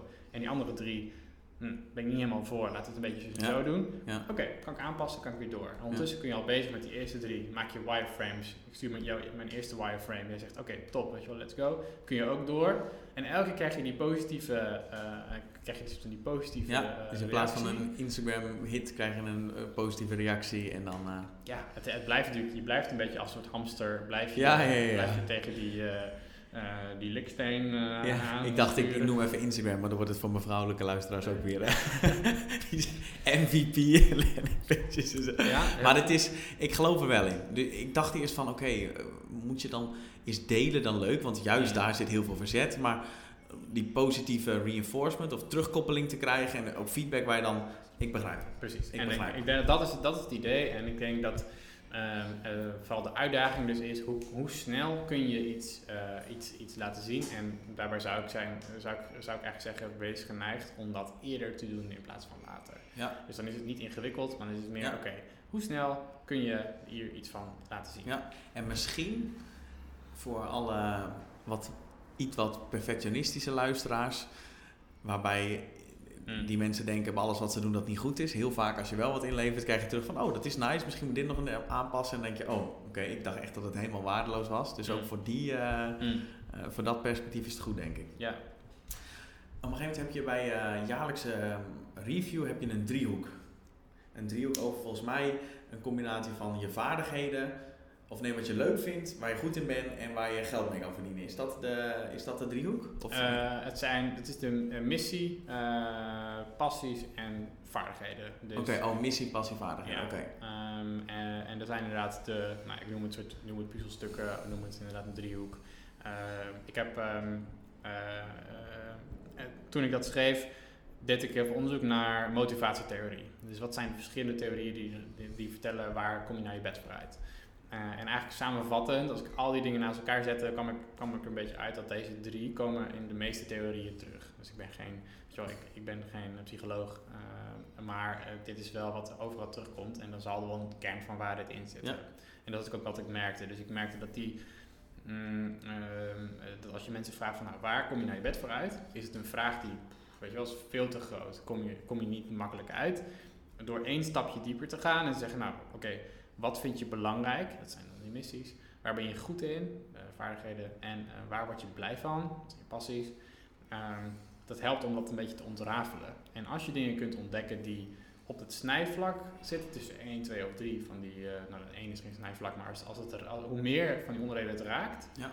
hoe groter de kans dat je er, dat je er enorm door gegrepen zal, zal zijn. Ja. En dat helpt dan weer om te bedenken, oké, als ik hier enorm door gegrepen ben, hoe kan ik dan voor zorgen dat ik daar iets meer van mijn tijd aan besteed? Dus weer zo'n klein stapje eh, Ja. zet. Ja. In lijn hiermee heb je op een gegeven moment ehm, in een hoofdstuk later heb je het over de drijfveren of de mo- niet motivatoren, maar heb je het extern, intern en energie. Ja. Is ook die ik nog nooit gezien had. Ik denk, ja, natuurlijk is dat zo. Je wordt intern word je gemotiveerd door externe dingen, maar, ook door gewoon je energieniveau. Ja. Dus hoeveel energie heb je? Ja. hoe, zou je die kort uit willen leggen? Ja, dus ehm, dit is ook het model waarbij ik, nog, waarbij ik ook nog het meest, ehm, dat merkte ik ook een beetje hoe verder ik in het boek eh, zelf ook kwam, merkte ik dat gewoon de, de ideeën voor mijzelf ook nieuwe waren. Dat Ja. ik, nog steeds, ik ben hier nog steeds over aan het nadenken en over, en over aan het onderzoeken. En ik ehm, kan me ook voorstellen, ik verdiep me ook heel van gedragsverandering. Hm. dat is ehm, misschien wel nog veel complexer dan wat we denken. En dus ja, dus het Dat is het lastiger ook. dat het dat een beetje nog En elk model is, een, is, een, eh, is natuurlijk maar een, een, een, een snapshot van de werkelijkheid en met alle beperkingen die erbij horen. Ja, en maar een interpretatie van de werkelijkheid is ook niet de Precies. waarheid te zijn. Ja. Precies. Maar wat mij wel heel erg hielp, is inderdaad om een onderscheid te maken tussen. Sorry, dat stukje in het boek gaat over eh, gezonde zelfontwikkeling. Eh, want ehm, nou, dat zal misschien voor de, voor de meeste luisteraars van jouw podcast ook gelden, want je hebt het over zelfontwikkeling. Eh, dan zul je de worsteling herkennen tussen eh, hoeveel ga ik doen en wanneer is het genoeg. En eh, die wanneer is het genoeg, die krijg je af en toe te horen via je omgeving. Die dan gaat zeggen van gast, eh, moet, het nou, moet je nou ook nog een podcast maken? En moet je nou ook nog, je kunt ook gewoon je werk doen hè? en gewoon een paar weken op vakantie gaan. Eh, en gewoon elke avond eh, Netflix eh, kijken. Overigens, niks verkeerds mee. Maar ik denk dat, dat jij en ik en de luisteraar hier, hier wel mee worstelt. Want wij hebben dus, ja, oké, maar het kan ook, we kunnen ook die tijd steken in nog een goed boek lezen. We kunnen Ja. ook nog, En ehm, die vraag kreeg ik vaker. En dit is ook een ding waar ik zelf mee worstel. Zo van ja, oké, wanneer is het nou genoeg? Alleen, wanneer is het genoeg, uh, is niet echt een vraag voor ons, want het is nooit genoeg. Uh, maar, maar, maar als je altijd maar doorgaat, dan loop je padpunt wel tegen die moment de hamer aan. Dat wil je niet. Dus je wil dat op een gezonde manier doen. Dus nou, daar kan wat stuk vandaan over gezonde zelfontwikkeling. Uh, en daar, als je die dan uit, uit elkaar trekt, dan, dan zie ik daar inderdaad die drie onderdelen. Dus het gaat over een interne verwachting. Dus wat, wat verwacht je van jezelf? een externe verwachting. Wat zijn, wat zijn de verwachtingen van de buitenwereld, van je, nou, misschien van je, van je geliefde, van je baas, van je team, van je familie. Uh, en hoe zit het inderdaad met je energie? Nou, als je die, dit zijn drie factoren die je uh, goed in de gaten uh, moet houden. En wat ook fijn is omdat ze gesplitst zijn, dat je, ook, dat je per punt ook kan bedenken, hé, hey, wat vind ik hier eigenlijk van? En, um, en, en dan helpt het mij om om dus een, een, score te hangen aan mijn energie. Ik weet, ik weet dat als ik, als ik te lang te veel doe, dan slaap ik minder goed. En dan merk ik dat aan mijn, dan word ik op een bepaald word ik ziek. Dus ja. als ik bijhoud hoe vaak ik ziek ben, is dat een, voor mij een aardige graadmeter of ik te veel of te weinig, of nou niet te weinig, maar of ik te veel aan het doen ben. Ja. En dan kan ik er ook bijsturen. Dan kan ik zeggen, oké, okay, die ga ik de komende paar weken, ik moet echt wel even zorgen dat ik eerder op bed ga, minder in de avonden doe. Ja. Dat is één ding. En twee is, als ik mezelf afvraag, waarom doe ik wat ik doe? Uh, en, de, en, en ik merk dat er toch te veel factoren eigenlijk extern zijn, is dat ook een alarm. Ja. Als het, uh, externe factoren zijn tricky, want ze zijn aan de ene kant goed en motiverend, um, maar uh, ja, als je daar, als je daar te, te hard op, op, op gaat, op externe, op externe kun je een voorbeelden, aantal voorbeelden Nou ja, dit gaat natuurlijk uiteindelijk over dat als de, ja, als de motivatie is, gewoon vanaf mensen om je heen, als jij een nieuwe baan begint, waarbij jij nog niet helemaal 100% zeker bent over de rol die je invult, dan kan je het idee hebben dat er verwachting extern torenhoog is van het werk wat je levert, bijvoorbeeld. Um, en um, nou, dus dan is het goed om daarover in gesprek te gaan. Moet je wel ja. weten dat die verwachting überhaupt is. Dat is ook nog een ding. Hè? Als je net begint met werken, dan, dan kun, je ook, kun je ook denken dat je baas iets van jou denkt, ja. terwijl het eigenlijk helemaal niet de verwachting is. Ja, dus daarbij is dan mijn, mijn punt elke keer van, hey, ga hierover in gesprek. Uh, schrijf eens uit wat je denkt dat je baas verwacht, of je teamleider of je, man, of je manager. En um, ga dan eens met die bullets naar je manager. En zeg dan, nou manager, ik heb ze even op, opgeschreven wat je denkt dat, dat je, uh, wat, wat je denkt dat, dat je van mij verwacht. En dan zegt die manager, joh, je bent net begonnen, haal hier alsjeblieft even de helft af. Ja, ja. En dan gaan we dan wel daarover praten. Ja. En dan denk je dus, oh wow, valt zo'n ja. last van mijn schouders. Alleen Ja. al door het even soort van vanuit je hoofd op papier te zetten. Ja. Nou, dat gaat over die externe verwachting en intern. eh, ik, ben een, een, eh, ik heb een aantal sessies met een coach gedaan. Wat ik overigens ook iedereen aanraad om soort van in ges- in gesprek te zijn met professionals over dit soort onderwerpen. Nou, om je gewoon ook even naar de aarde te, te trekken. Eh, want we kunnen onszelf inderdaad helemaal gek maken. Eh, maar zij zei op een bepaald punt van... En ik kan eh, me voorstellen dat jouw in- interne verwachting vrij hoog was. Die is hoog. Ja. En die is nog steeds hoog, maar wat zij, wat zij zei was van, nou, ehm, oké, ehm, eh, loop even met me mee. Ze zei, ik zat in een stoel, ze zei, ga eens even staan, ga eens even staan, loop even mee. Jij kijkt nu naar die stoel, jij zit zelf in die stoel. Wat zou je tegen jezelf ehm, willen zeggen? Kijk eens naar wat die jongen allemaal aan het doen is. En dat ik toen dacht, ja, holy shit, waarom doet die gast dat eigenlijk? ja. Zo herkenbaar. Ja, en het is, en het, en het is ook zo'n simpel ding, maar dat je dan, nou, dat ik dan ook gewoon tegen mezelf kan zeggen van, weet je, als je het leuk vindt om te doen, moet je het lekker doen. Maar als je het niet leuk vindt, stop er dan lekker Ja. mee. En, Precies dit. en, en, en dat was, ja, het is zo'n simpel dingetje, maar het helpt me, het hielp me om een soort van de, mijn eigen verwachting een beetje te, Ja. eh, ja, te managen. En, eh, Maar ze zijn heel simpel, maar oh zo belangrijk. Ja. En volgens mij is het leven heel eenvoudig, alleen niet makkelijk gewoon. Dus ja, nee eens. Ik ben het grappig hè, dat je... Ik heb het... Ik doe bij mezelf als gedachte-experiment dat als ik iets fout doe, dan Mm. heb ik de neiging om mezelf helemaal de grond in te boren. En dan bedenk ik me wel eens. Stel nou dat een goede vriend van me, namelijk is Thomas, ik heb wat doms gedaan, eh, ja, ik heb een project verneukt. Dan zou ik zeggen, ja, dat is kut man, maar ja. je zelf zo'n biertje gaan drinken, want eh, weet je wel, er zijn er belangrijke... Morgen weer een dag. Morgen weer een dag. Dan zou ik zo eh, empathisch zijn en dan dacht ik, waarom dan ja, ja, bij jezelf dan zo... Je geestelen, ja. ja. Heb je, ehm, Hm. waar ik nieuwsgierig naar ben, je hebt een interne en een externe verwachting. ja. Ben jij door je zelfontwikkelingsavontuur wat minder ehm, gaan focussen op de externe verwachtingen, maar meer op de interne verwachtingen? Vraag. Ik denk, dat, ik denk dat in mijn geval externe verwachting niet zo'n enorme rol speelt. Hmm. Ehm, ik, ik, ehm, ja, dus dit is wel een vraag die ik mezelf vaak, vaak stel. Van nou, ben ik inderdaad niet gevoelig voor, eh, voor die externe eh, waardering? Eh, natuurlijk ben ik daar wel gevoelig voor, maar niet, ehm, ik merk dat het niet, niet heel obsessief is. Dus, eh, dus ik laat me daar niet zo heel erg door, eh, door leiden. Hmm. Dat is mijn, mijn, dus ik- en ik heb ook niet het gevoel dat het heel erg is opgeschoven. Maar dat het wel gewoon iets dat ik weet, nou ja, vanuit mijn opvoeding en vanuit mijn eh, dingen die ik heb meegekregen, heb ik wel een soort van gevoel van, eh, nou weet je, wat je kunt, wat je, wat je, wat je doet, dat doe je goed en daar ben je, weet je, dat is oké. Ja. En, ehm, ehm, en ehm, eh, ja, daar heb ik nooit zo van, oké, ik hunker naar dat iemand zegt, oh gast, wat doe je het goed. Nee. Toch is het wel. Ik merk het bij mezelf. Ik heb tot mijn 25, 24 eh, heb ik aan de universiteit gestudeerd, gewoon een VWO gedaan. En dan was iedereen om me heen. Oh, Thomas, wat goed. Je doet uni- universiteit. En eigenlijk wist ik al van, nou, dit is echt niet wat ik wil doen. Ik wil gewoon ondernemen en dingen gaan doen en creëren. En toen begon ik een onderneming. Ook nog eens, ik bedrijfskunde gestudeerd. Begon ik een online coaching platform mensen fitter te maken. Wat echt haak staat op het eh, zeg maar hele intellectuele van de universiteit. En toen kreeg ik in één keer van mijn omgeving ook van, ja, hè, zou je dat wel doen? Je hebt toch gewoon een studie gedaan, moet je niet... Mm. eh, en toen kreeg ik extern toch wel ander soort... eh, ehm, de afkeuring. Ja, nou niet afkeuren, maar wel eh, twijfel of onbegrip. En nu, heb ik weer, nu werk ik weer met een agency waar ik het onwijs naar mijn zin heb overigens. Maar dan is in iedereen in de omgeving weer van, oh wat goed zeg. Terwijl de interne zoiets van, ja ik heb ook nog wel mijn ambities om een keer... is grappig, maar Maar als jij dan zou zeggen in- intern versus extern, wat, wat, wat denk je dat jouw grootste drijfveer is? intern, 100%. Maar dat is wel, daarom vroeg ik het ook jou, heel erg verschoven. Hmm. Heel erg verschoven. Want ik heb tot mijn 24 heb gewoon gedaan eigenlijk wat er van me verwacht werd. Ja, ja. En wat is dan iets wat je nu doet waar, waarvan je eh, weet dat de, dat de buitenwereld zegt van, nou, weet je, dat beetje gek. Achter een microfoon gaan zitten en dan mensen interviewen over Maar eigenlijk is dat wel echt zo, want, want je, wordt je krijgt ook gewoon wel applaus voor. Ja, ja. Nu, omdat ik ook een beetje, luisteraars heb en, eh, dit- nou goed, in die zin ook leuke gasten. eh nou, krijg ik het begin ook wel. Ik moet niet mijn oude gasten afvallen.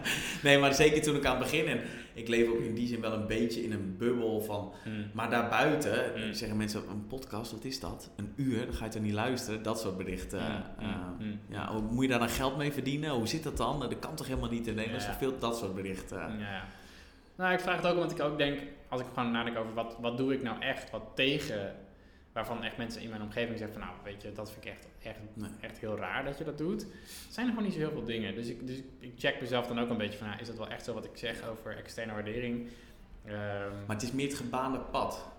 In, ieder geval, in mijn geval. Ik weet niet of dit helemaal externe verwachting of externe Mm. verwachting is, maar het gebaande pad, dat qua de, verwachting, Ja, ja. in ieder geval in mijn omgeving, is wel dat dat gebaande pad, dat is logischer voor eh, ja. Thomas de Vries. Alleen voor hemzelf niet zo. Hm. Hm, Oké, Snap ja, dat is, dat is interessant. Ja, ja, ja, ja. Ja, grappig. Food for thought. Ja. Oh ja, nog om even praktisch te worden. Heb je, heb je nog even, het is kwart over vijf? Ja, top. Je hebt het op een gegeven moment over dat het belangrijk is om, ehm, nou, ik weet niet of je zegt dat het belangrijk is, maar je zegt, eh, vind een mentor. Ja. En dat hoor ik zo vaak van eh, in zelfontwikkelingsland. En mijn eerste vraag is dan altijd, hoe heb, hebben mensen dat aangepakt? Wat zijn echt praktische dingen die je gedaan hebt om een mentor te vinden? Dus mijn vraag aan jou, hoe heb je dat aangepakt?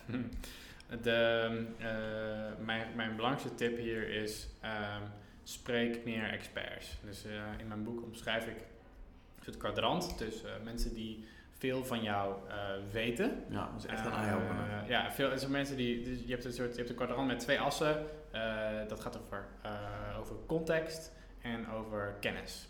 En context, als je hoge context hebt, dat betekent dat we elkaar heel goed kennen. Dus dat betekent dat, nou, dat ik, dat ik, dat ik van jou weet waar je mee bezig bent en hoe je in elkaar zit en dat, dat we elkaar al lang kennen. Nou, en kennis, dan gaat het over hoeveel weet je van een specifiek onderwerp. Ehm, en als je, die tegen, als je die in de matrix zet, komen er vier groepen uit, namelijk de vage kennis. Eh, dat zijn de mensen die jou niet kennen. Eh, en ik, ik noem Oh. het vage kennis, want het is een beetje... Maar goed, het zijn, ik heb ook wel eens nagedacht om er neer te zetten van de, weet je wel, de, die, die tante oom, die jou eigenlijk niet helemaal goed genoeg kent. eh, maar ook eigenlijk niks weet van het onderwerp, maar toch allerlei adviezen gaat geven. Ja, ja. Nou, die categorie, is, dat is de eerste. Dan heb je de goede vrienden. Dat zijn mensen die heel veel weten over jou, maar, maar in heel veel, die, die misschien toevallig ook dingen weten van waar je naar op zoek bent, maar in heel veel niet. Dus dit zijn gewoon de mensen die jou goed kennen. Dan heb je experts, die weten heel veel van het onderwerp, maar die kennen jou niet. En dan heb je mentoren, die weten, eh, want die, omdat je al langer met ze optrekt, weten ze en veel over jou en veel over een onderwerp. En de, eh, de, waar mensen, mensen willen gewoon heel graag die mentor. Alleen je kunt niet gelijk die mentor hebben. Want die mentor die, ja, weet je, die kent Heeft jou beperkt tijd en ja. dat. En, en, en da- eh, je kunt niet op dat niveau ins- instappen. Je moet instappen op ofwel investeren in je vriendschappen. Waardoor misschien iemand door kan groeien naar, oké, deze weet ook heel veel over dit onderwerp, dus dat wordt dan een mentor op dat specifieke vlak. Mhm. Uh, of, en dat is eigenlijk wat ik vooral aanraad, is meer experts spreken. En dat is wat, wat mij heel erg opvalt om me heen, en dat gebeurt bij Blenden ook voortdurend, dat er dan wordt gezegd, nou laten we dit, laten we dit doen, laten we X maken.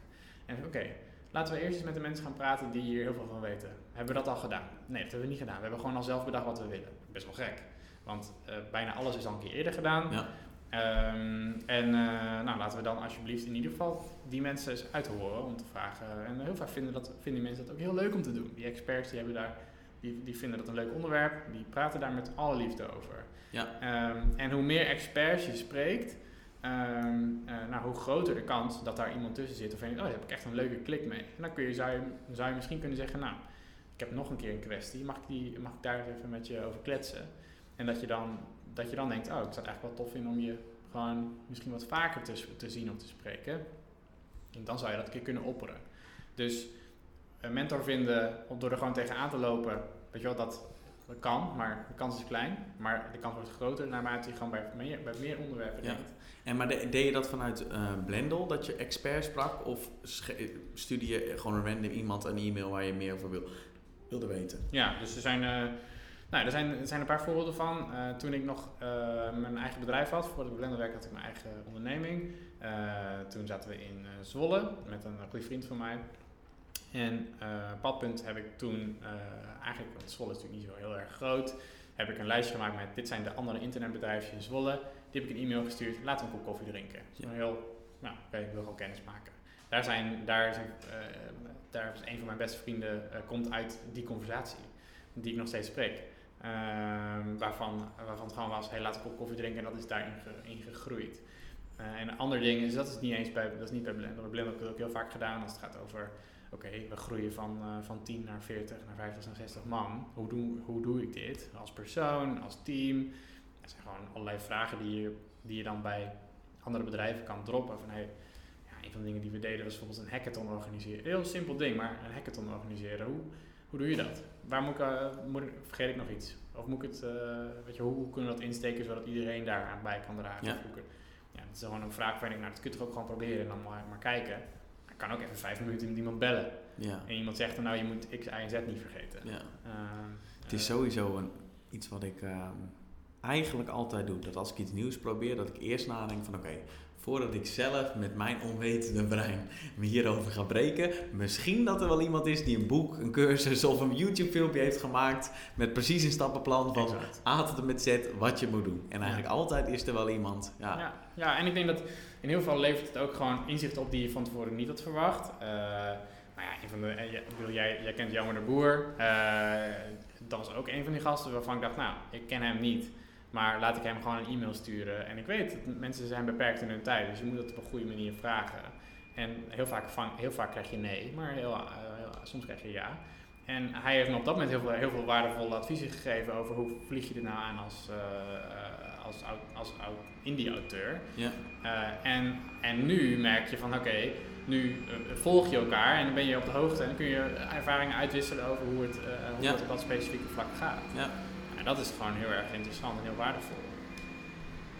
Nice. Dus dat, dat, geldt op alle vlakken. Dus En maar dan begin je gewoon met of een mail of een evenementje organiseren waar iemand dan aanwezig is die eventueel. dat, het is gewoon, kijk, mailen.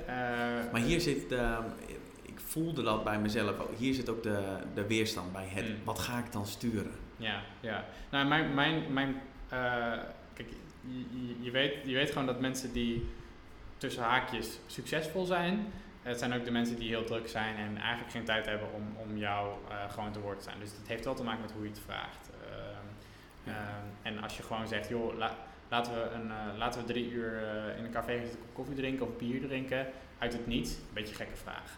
Maar als je mij vraagt, als je mij een mail stuurt, de mensen die dat doen, die zeggen, hey, ik heb deze drie vragen over self-publishing, kun je me daarbij helpen? Natuurlijk ga ik die mensen dan een mail terugsturen en zeggen, hey, dit zijn de dingen. En als mensen zeggen, ik wil graag uh, een half uur van je tijd uh, op die en die plek. Uh, nou, dat is voor mij al wel een stapje. Dus dan, dus dan, soms zeg ik nee, soms zeg ik ja. Dat hangt een beetje af van, ja, het hangt een beetje van het moment af en of het dan goed ja. uitkomt en, en hoe, ja. iemand dat dan aanvliegt. Maar als iemand dat soort van, oké, ik heb echt deze concrete vraag en zo kun je me helpen en dit is wat ik, dit is eventueel wat ik voor jou kan doen of dit is hoe je me dit is mijn, mijn, richting, of zo, laten we zo laagdrempelig mogelijk. Ja. ja. Dan hoe eerder ik geneigd ben om te zeggen, nou dat wil ik wel. Uh, En dan ben ik echt niet de meest drukke persoon op aarde. Dus uh, weet je wel, dan moet je je voorstellen als je dat dan uh, bij de mensen doet die, die, die echt druk zijn. Ja.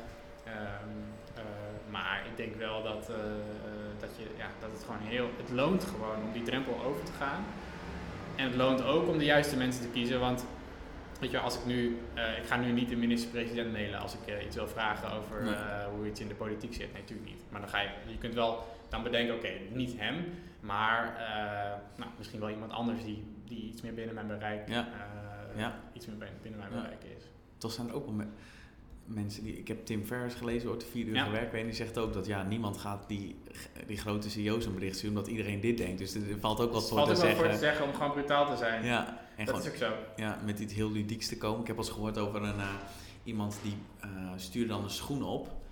En dan was de bericht, zo, heb ik in ieder geval een voet in de door of zo. En dan over twee dagen komt een nieuwe, hey, ik kom hem zelf brengen, mag ik, mag ik je drie vragen stellen of zo. Ja, dat is wel echt geinig als je CEO leuk. bent en je krijgt hem. Ja. Dat is echt gaaf. Ja, nee, ik het goed om daar, weet je, je dus dat is leuk. Uh, je moet ook de andere partij serieus nemen. En uh, ja, als je dat alleen maar van dit soort gekke, gekke shit gaat doen, nee, dat, dat, dat nee. weet, weet, ik niet. Maar het gaat natuurlijk uiteindelijk over, respecteer je de tijd van een andere persoon? Heb je echt nagedacht over wat je wil weten. Kom dan ook voorbereid, weet wat je wil vragen. Schrijf er dan op. Koppel dat dan ook terug alsjeblieft. Dat is gewoon dat je laat zien dat je de, dat je de tijd van die persoon waardeert en dat je ermee aan de slag gaat. Ja. En dan heb je ook de grootste kans op dat je eventueel nog een keer een vraag mag stellen. Als, iemand, als, je, als iemand zich gewaardeerd voelt uh, voor, voor die tijd. Echt mega belangrijk en een heel ondergewaardeerd ding, denk ik. En heel veel mensen, het is ook, we zijn er bijna trots op als we het zelf uitvinden. Terwijl het ook heel vreemd is. Want beter leren van wat, wat, uh, ja. wat mensen voor ons al hebben ja. uitgevonden. Nee, ik denk dat het niet handig is om daar de, de trots uh, vandaan te halen. Ik ga je bijna de laatste vraag stellen. Um,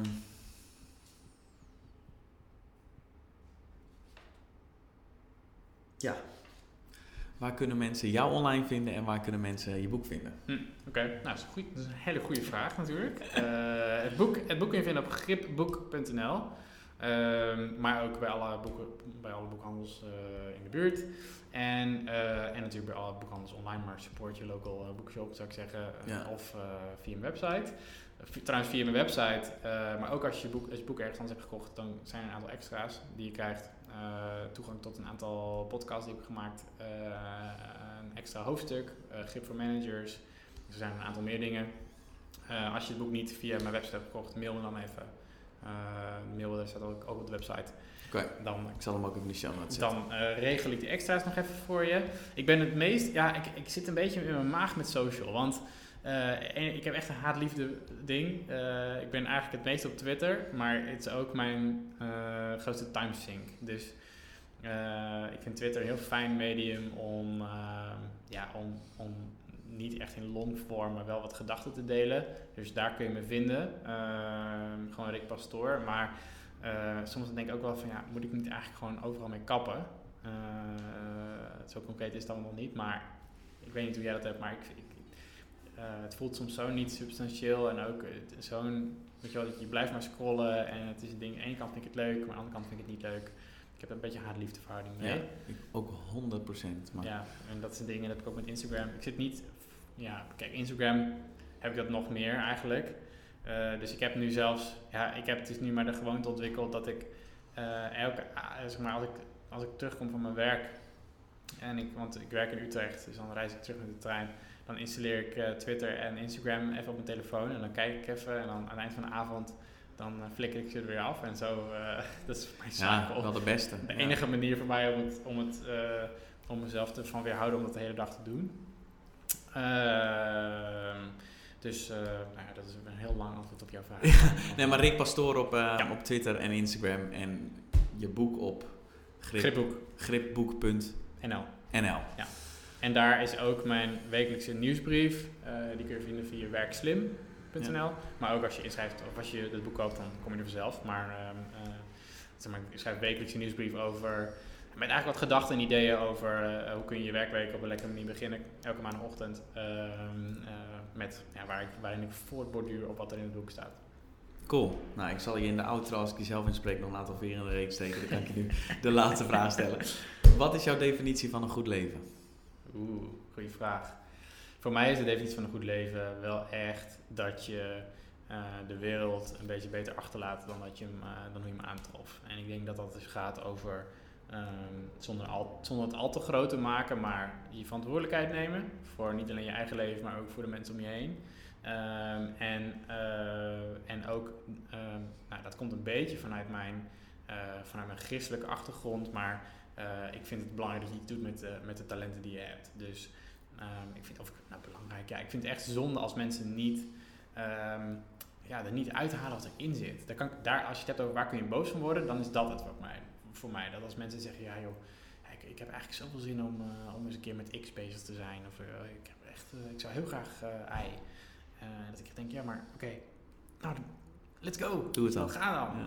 En, uh, en ik denk dat dat voor mij de definitie van een goed leven is. is dat je erachter komt waar je, waar je zo blij van wordt. Op het moment, je, op het moment dat je dat, als je dat begint te merken, dan gaat er gewoon iets gebeuren. Dan, uh, dan denk je van ja, dit had ik eigenlijk al veel eerder willen weten. Er zijn mensen die zeggen, ik, ik hou enorm van surfen, maar heb ik pas later ontdekt. Maar ik, ik, geniet er enorm van. En nu ga ik met, I don't know, uh, ik ken mensen die zeggen, ik, ik geef nu surfles aan, aan, um, aan gehandicapte kinderen ik bedoel, het is een link die je dan begint, die je dan ziet en je denkt, oké, okay, dit is niks voor mij. Maar uh, het, het, vervult hun. Uh, ja. Waarbij je dus je, je talent uh, en je passie voor sport combineert met, oké, okay, hoe kan ik dat doorgeven aan andere mensen. Ja. ja. dat vind ik waanzinnig. En ik denk dat dat, um, ja, voor mij is dat de definitie van goed, goed leven. Thanks man. En dat was hem weer. Weer hoop ik dat jij net zoveel plezier had als dat ik het had om uh, Rick te interviewen. Ik vond het echt een topgesprek. Ik vind zijn boek leuk. Ik heb er veel uitgehaald. En ik zou ook 100% aanraden als je wel eens problemen hebt met je productiviteit op een dag. Om het boek aan te schaffen, een keer door te lezen en toe te passen. Voor nu, fijne voortzetting van je dag. Spreek je snel. Doei.